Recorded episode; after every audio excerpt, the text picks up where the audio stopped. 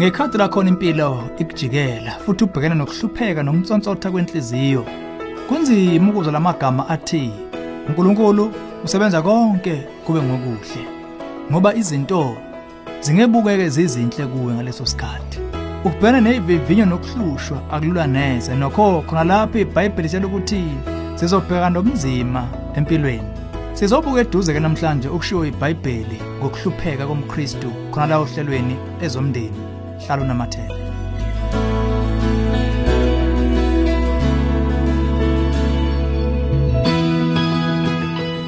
Phinde ngubingelele. Ezomndeni uhlelo ulethele izeluleko eziphathekayo ngaba ka focus on the family. Sithola umbuzo muhle kumlalo sibhale wathi Ubhlungu nosizi kungaba kuhle kanjani? Kubuka sengathi njalo amaKristu exoxa ngalesihloko omunye uvesa caphuna abaseRoma 8:28. Leli verse liyiqiniso ngempela. Sengibona amaKristu ebhane enhlupheke ezifana nabangakholwa. Imvamisa ukuphetha ngaveli lutho oluhle kulokho ngokubuka kwami. Ningangisiza ukuqonda lempica abadala. Yonke into ochazweni lakho othe walibeka lwegama elithi okuhle. Uma uliqonda leli gama njengegama elichaza into emnandi, entofontofo, ethokozisayo, nekitazanayo noma kanjani, uzoba nenkinga enkulu ngabaseRoma 8:28. Nokho, le ndima akayichaza ukuthi zonke izinto zinhle ngokwazo.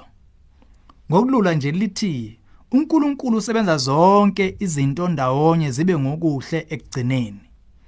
Ngamanye amazwi, ngisho izinto ezimbi zinendawo ohleni lwecebo lude oluhle lukaNkulunkulu.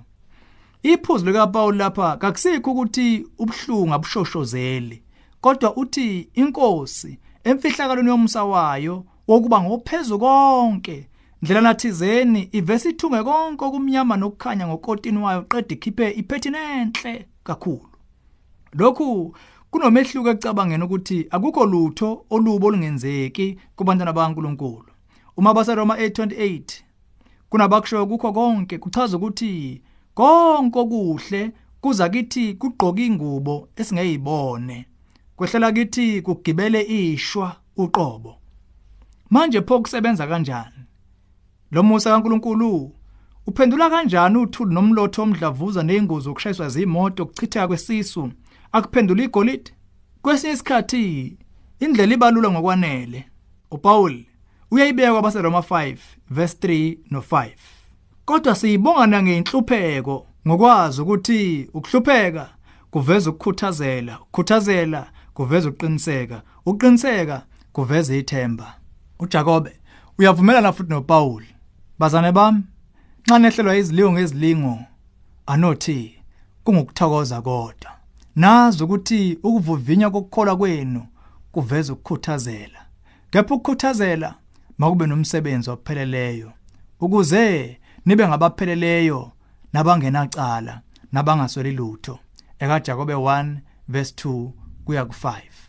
Bobabili abapostoli babuka bethi okuhle okuza kithi ngezimo ezibi akuncike ndawo emzweni kumbe izimo. Kunalokho indaba yokuba sibe ngabahlukile kwesasiyikho phambi kokuba lelishwa lisehlele. Sizuza amandla, ithemba, kungezwe uthando, phinde futhi kwengezwe ukubekezela. Kodwa sithini ngalezo zikhathi okungabi kanjalo kuzo na? Kwenzakalani ngesikhathi ekuvumbukeni kobhlungu obongaveza imqondo qeda impilo ibukeke iyize nekusasa libukela imfiliba. Kuleso simo simele ukuba sibambele okholweni nasethembeni. Kumele sibone ukuthi ezimene ezithize kusenokwenzeka singaboni isiphetho sokuhlupheka kwethu cisho kungabi kulelizwe. Sisengadingeka ukuhamba ezinyathelweni zabangcwele bezikhathi zeTestament elidala abafela okholweni bengazamukelanga izethembiso.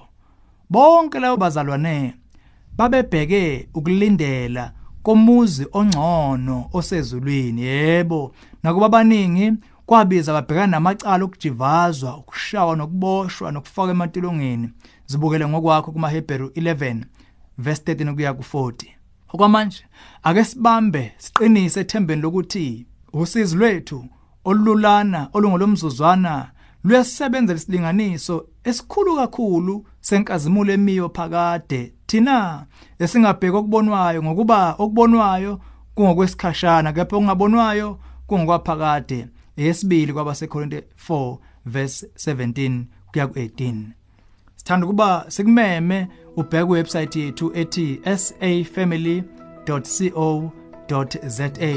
la khona uzothola amakhulu embhalo nezinsiza engakwazi uba zikusize ngokwemibuzo osangaba nayo ethe xaxa lolu hlelo ezomndeni ulethulelwe yi-focus on the family sihlangabezwa ohlelweni oluzayo.